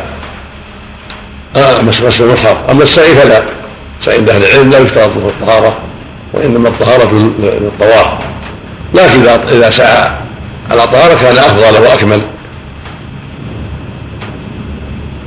وهكذا مس المصحف لا يمسه إلا على الوضوء. هكذا إذا كان يأمر بالحزم حديث جليل معروف. لقتل امه بالقبول وكتب وكتاب كتبه النبي لاهل اليمن. فيها أشياء كثيرة. من مسائل الدين. في الجنايات الديات في الطهارة وغير ذلك. فيها لا يمس القران إلا طاهر. وله طرق وله شواهد. وهو بمجموعها حديث جيد من باب الحسن لغيره. وعليه أفتى الصحابة كما ذكر أبو العباس تيمية رحمه الله فتوى أصحاب النبي بذلك إنهم لا يمس القران الا طاهر ومنهم سعد بن وقاص وابن عمر. فالواجب أن لا يمس القرآن إلا من هو على وضوء وهو مذهب الأئمة الأربعة والجمهور اختم بهذا الحديث لتعدد طرقه ولتأيده بفتوى الصحابه رضي الله عنهم وأرضاهم. فإن دعت الحاجة إلى مسه من دون حائل فلا بأس. كحمله حائل بعلاقة أو بحائل دونه أو مراجعته مع حائل للحاجة إلى ذلك. نعم. يلف عليه بشيء نعم. يلف عليه بشيء نعم. نعم. قبل الصلاة. نعم. إذا شكنا في طهارة قبل الصلاة. في أي مكان؟ قبل الصلاة في أي مكان وفي أي زمان؟ قبل الصلاة وبعد الصلاة في المسجد وفي غيره. إذا شك فالأصل الأصل سلامة الطهارة. يعلم أنه قد توضأ ثم شك؟ فالأصل بقاء الطهارة. نعم. يقول فيه كلام في طرق ما يصح إلا بطرق نعم. في بعض طرقه ضعف. والمحفوظ عند مالك وجماعة ارساله ولكن رواه أبو داود في المراسيل بسند جيد. متصل. وبقية الطرق تؤيد ذلك. وهو من باب الحسن لذاته أو الحسن لغيره. أقل أحواله أنه من باب الحسن لغيره لكثره الطرق وتأيده بفتوى الصحابة رضي الله عنهم. وارضاهم نعم. السائل بحديث عائشة تعلم ما يفعل الحاج لا البيت على جواز مس المصحف لغيره. ما هو هذا عام مخصوص أو عام مخصوص. العمومات ما تنقض خاص. ولا تضر خاص. نعم. السعي نعم. يشترط مقتعي الطهارة. نعم. السعي يشترط يشترط الطهارة لا طواف. سبب نعم. الله عنك هذا